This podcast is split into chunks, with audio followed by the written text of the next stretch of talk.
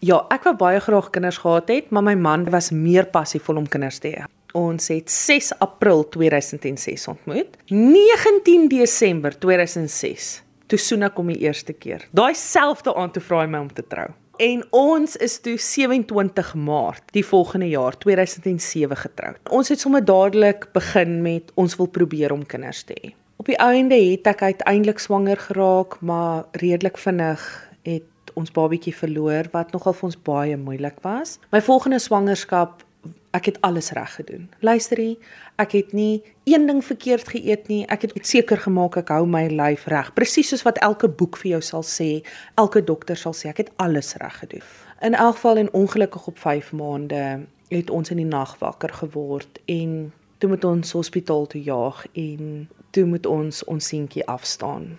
Ehm um, en ek moes deur die gewone kraamproses gaan. Dit was baie erg.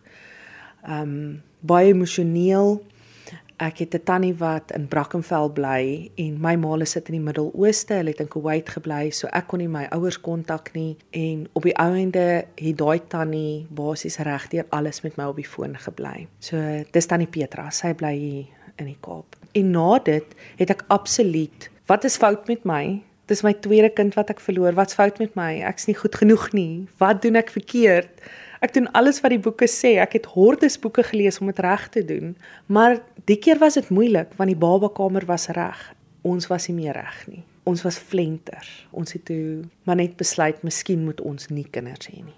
Hoeveel probeerslae was daar voordat jy toe uiteindelik swanger sou raak? Maar daar's natuurlik iets anders wat ook gebeur het. Ek en hy het basies twee babatjies verloor. Die eerste een was redelik vroeg. Die tweede babatjie het ons op 5 maande verloor, maar gewone kraam moes deurgaan en na dit het ons maar net besluit nee. En ek is self 'n aangenome kind en ek het 'n wonderlike kinderlewe gehad. Ek het die most amazing aangenome familie gekry. En um hulle het self ook twee kinders aangeneem, my aangeneem toe neem hulle seentjie aan en toe word hulle self swanger. En toe ek en Werner besluit, kom ons wag net. Miskien is dit nie nou dadelik in die boeke nie. Toe word ek baie siek. Toe word ek gediagnoseer met kanker, 3 en 'n half maande wat ek oor het voordat ek die tydige met die ewige verwissel. Toe kom ek agter, nou moet ek plan maak. Ek moet vir my man die twee goed gee wat hy van my verwag het. En ons, omdat ek reeds ek en Werner het klaar al ons clearances dat ons daar's mos 'n groot proses met aanneming. Maar al ons goed was in plek. So toe het iemand laat weet daar soos wat ons nou rondvra, toe vind ons uit daar's 'n tweeling beskikbaar. Ons doen toe die applikasies en als en ek en my man weet toe ek het nie baie tyd oor nie en ek het 'n bucket list. Almal het 'n bucket list. As jy nie 'n bucket list het nie, begin 'n bucket list.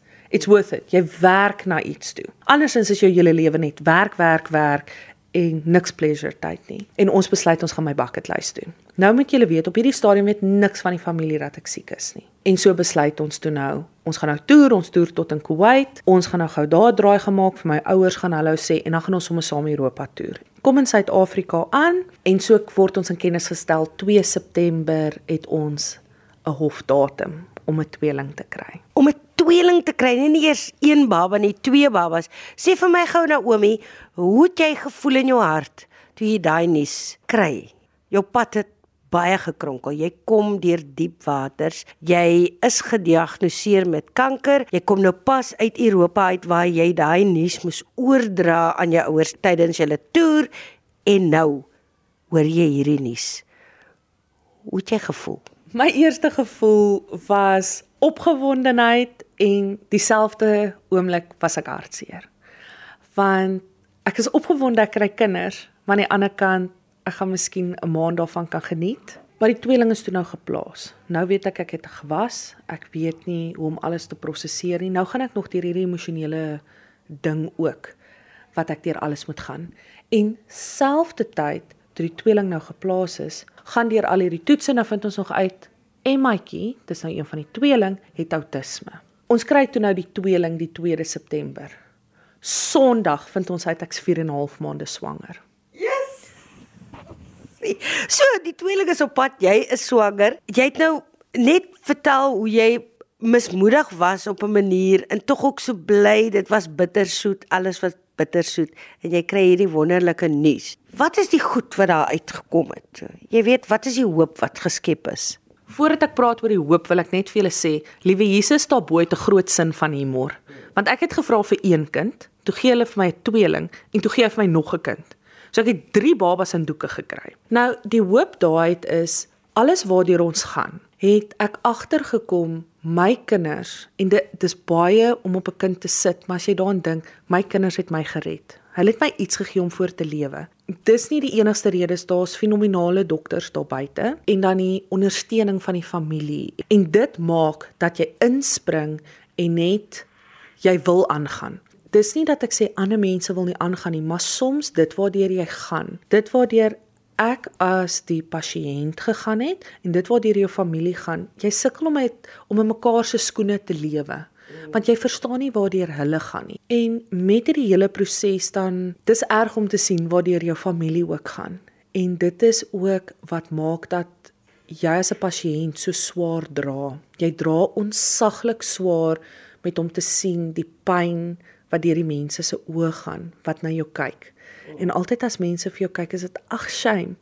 Maar nou dat ek die kinders het, het die mense die ag shame vergeet. En is ag kyk hoe cute is hulle. Kyk hoe cute is hulle. En ons het wendag kinders aangeneem. Dit het niks gegaan oor rasse nie. Ons wou kinders hê. Maar ek moet vir julle sê dis fenomenaal. Die ondersteuning selfs, ons bly in 'n area waar die mense redelik dit aanvaar het. Die mense om ons is regtig wonderlik. Maar luister jy as daai Afrikaanse kindertjies van ons daar uitstap, dis baie snaaks en groet mense vir my my man. Goeiemôre en dan groet hulle ons tweeling en sê, "Good day, how are you?" vir wat? Jy groet dan nou die ouers in Afrikaans. Hoe kan jy die kinders in Afrikaans groet nie? Dan sal my kinders vir hulle sê goeiemôre of aangename kennis. Dit skok mense. Ek is so bly dat jy vreugde gevind het op soveel ander maniere, nê? Maar nou wil ek by jou weet deur als wat jy hulle is. Ehm um, kanker gesukkel het om kinders te kry baie gesukkel het om kinders te kry. Hierdie kinders het oor julle pad gekom en duidelik gee hulle nie om wie wat sê nie. Dit is julle kinders. Hoe sien jy die pad vorentoe vir julle en voel jy dat jy nou hoop bygekry het dubbeld eintlik. Almal het uitdagings, maar die pad vorentoe. Wat sê jy? Die pad vorentoe is wonderlik. Dis astronomies hoe wonderlik die verskil is. Daar is elke dag sy uitdagings want ons een dogtertjie is erg autisties. Meeste mense wat se kinders autisme het, gaan nie eens in publiek uit nie, want jy weet nie hoe om dit te hanteer in publiek nie. Nou ek en my man, ons hanteer dit. En nou dat my kinders, ag, hulle doen hulle sport. Vandag is my dogtertjie se eerste hokkie wedstryde. Die tweeling is nou 6 en my seentjie is nou 4 jaar oud. Ons is in Pretoria, ons kinders is in Pretoria in die skool, verskillende skole, want Emma het nou 'n bietjie meer aandag nodig waar sy gelees. So hierdie mamma ry omtrent rond. My man is amazing. Hy weet net hoe om alles te hanteer met die kinders en hy is so lief vir daai kinders, nê. Nee. Wat is jou wense vir jou 3 kinders, Naomi? Wel, omdat ons 'n vierde generasie klavierbou familie is, is die wense natuurlik dat hulle eendag daarin gaan, maar ons gaan nie ons kinders forceer enigsins nie. Met Emma se tiks en al die snaakse goetertjies wat sy doen, ehm um, glo ons dat sy sal die een wees wat in die familiebesigheid gaan. So Werner sit al reeds met haar en begin haar leer om klaviere te stem en dis wonderlik so sy hanteer nou nog nie die stemsleutel self nie maar dit sal die klanke hoor. En sy's wonderlik. Sy kan dit hanteer sy kan die verskil agterkom in die klank. So met haar stap ons na die pad. Al drie ons kinders doen viool klavier fluit. Ella se se droom is om eendag saksofoon te speel. Maar Ella glo absoluut sy wil in sterrekunde ingaan. En dan Emma sy is gefassineer met die liggaam, met oë, met brein, met so al die boeke wat sy gewoonlik kies. Ons gaan gereeld boekwinkels toe en goed. So al daai goed, sy kies gewoonlik mediese tipe boeke en my seun wil met vulkane gaan werk en dinosourusse. Ek gaan hulle nie permanent in die huis hou nie, maar ek sal besluit wanneer hulle oud genoeg is om groot te word.